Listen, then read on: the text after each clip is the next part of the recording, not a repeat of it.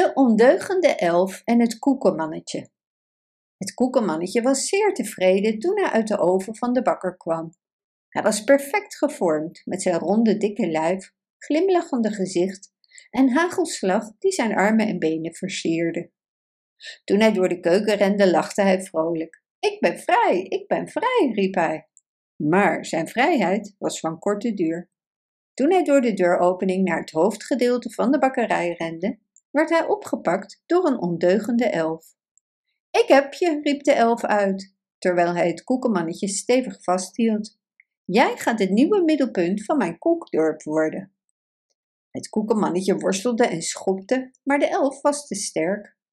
Het koekenmannetje werd de bakkerij uitgedragen, de winterse nacht in, waar de slee van de ondeugende elf klaar stond. Terwijl ze door de lucht vlogen, kon het koekenmannetje de glinsterende lichtjes van het dorp van de elf beneden zich zien. Het was een prachtig gezicht, maar het koekenmannetje wilde er geen deel van uitmaken. Hij wilde vrij zijn. Toen ze landden, bracht de elf het koekenmannetje naar zijn werkplaats en daar werd hij midden in het dorp gezet. Het koekenmannetje voelde zich gevangen en alleen, hoewel hij omringd werd door andere koekhuizen en koekfiguren.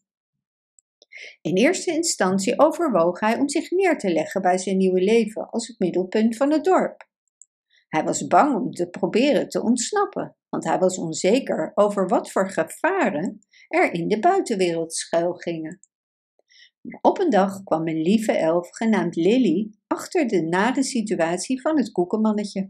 Ze was geschokt dat hij tegen zijn wil werd vastgehouden en ze beloofde hem te helpen ontsnappen. Lily sloop s'nachts de werkplaats binnen en fluisterde bemoedigende woorden in de oren van het koekenmannetje.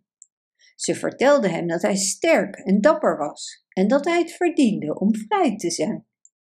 Met Lily's woorden in zijn hart vond het koekenmannetje de moed om te ontsnappen. Hij wachtte tot de ondeugende elf druk bezig was met het glazuren van een koekhuisje en toen nam hij zijn kans waar. Hij rende zo hard als hij kon, terwijl hij de andere koekhuizen en figuren ontweek. De ondeugende elf zette de achtervolging in, maar het koekenmannetje was te snel. Hij bereikte de rand van het dorp en rende het besneeuwde bos in. En terwijl hij rende, hoorde hij de kreten van de boze ondeugende elf vervagen. Hij was eindelijk vrij. Maar hij zou Lily, de lieve elf die hem had geholpen te ontsnappen, nooit vergeten. Hij zocht in alle uithoeken naar haar en op een dag vond hij haar in een ver land.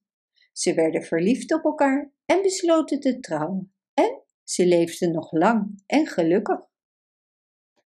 Bedankt voor het luisteren.